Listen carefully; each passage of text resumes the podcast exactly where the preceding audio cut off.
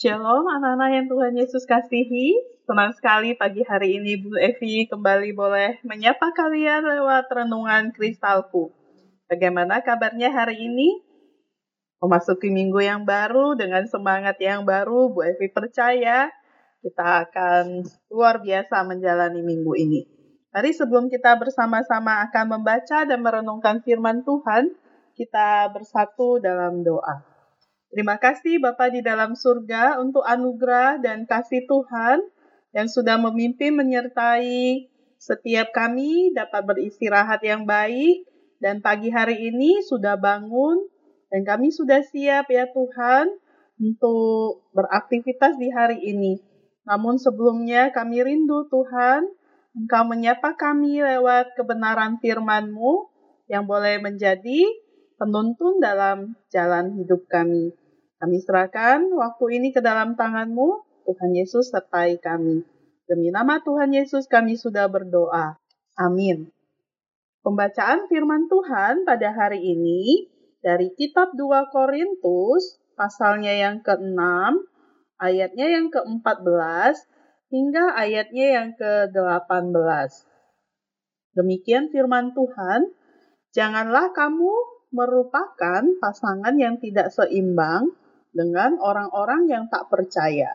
Sebab persamaan apakah terdapat antara kebenaran dan kedurhakaan?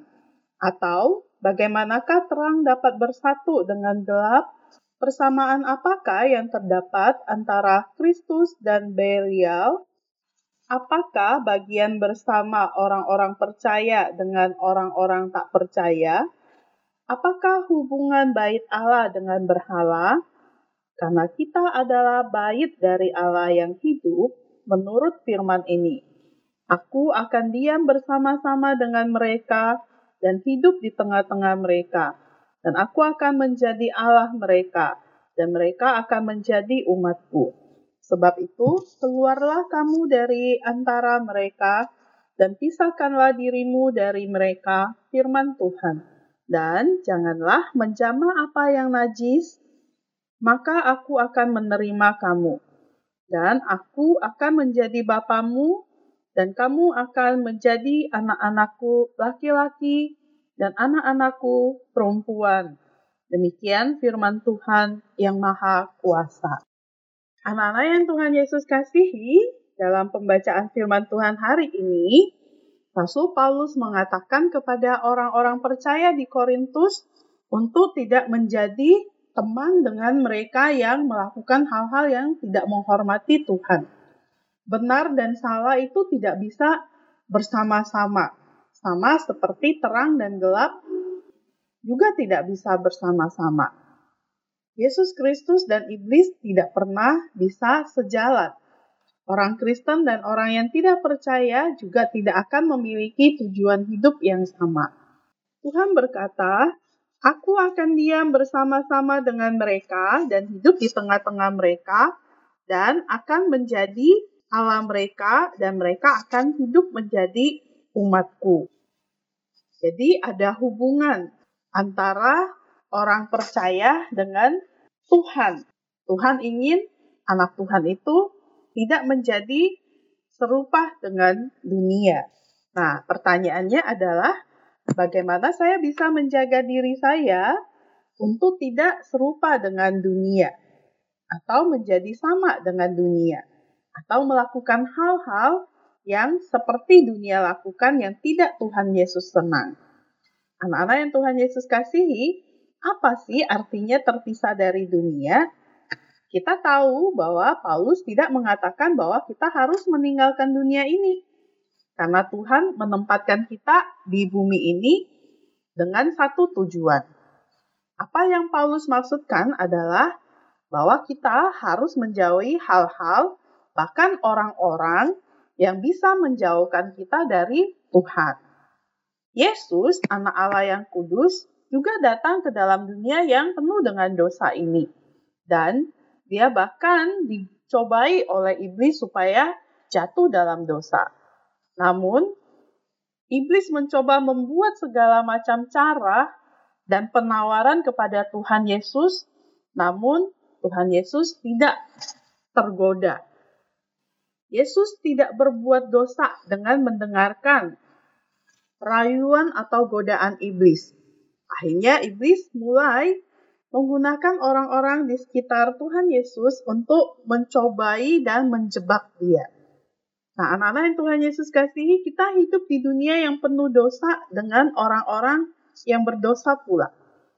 Kita tidak dapat meninggalkan dunia ini untuk menghindari dosa.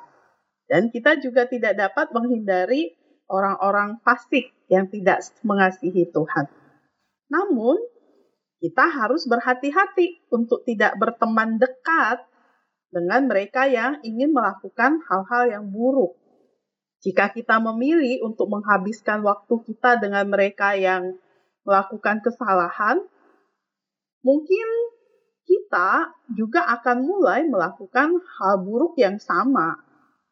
Dan jika kita terbiasa melakukan hal-hal yang salah, bagaimana orang lain akan melihat bahwa kita berbeda dari orang yang tidak percaya. Oleh karena itu, ingatlah selalu bahwa kita sebagai anak-anak terang tidak boleh bersekutu dengan anak-anak gelap. Kita harus tampil beda dan boleh menjadi berkat bagi orang lain lewat tutur kata kita, sikap kita, dan perbuatan kita. Demikian firman Tuhan, mari kita berdoa. Bapa di dalam surga, kami bersyukur untuk firman Tuhan yang hari ini mengajar kami, agar kami tidak menjadi serupa dengan dunia ini. Tuhan Yesus tolong kami, supaya kami boleh menjauhi hal-hal atau orang-orang yang bisa menjauhkan kami dari Tuhan. Sehingga kami semakin hari boleh menjadi anak-anak Tuhan yang memancarkan terang Tuhan bagi orang-orang di sekitar kami dan nama Tuhan dipuji dan ditinggikan. Terima kasih Tuhan Yesus, berkatilah proses pembelajaran di hari ini.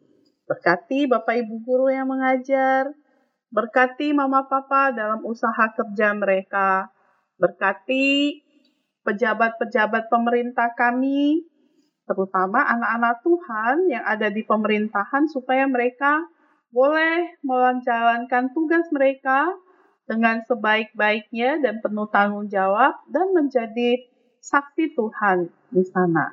Terima kasih Tuhan Yesus. Inilah doa kami, syukur dan permohonan kami yang kami bawa dan alaskan hanya demi nama Tuhan Yesus. Amin. Anak-anak, Ayat mas kita hari ini dari Roma pasal yang ke-12 ayatnya yang kedua A. Janganlah kamu menjadi serupa dengan dunia ini, tetapi berubahlah oleh pembaharuan budimu. Demikian firman Tuhan. Selamat belajar. Bersama Yesus, aku bisa bergerak dan berubah.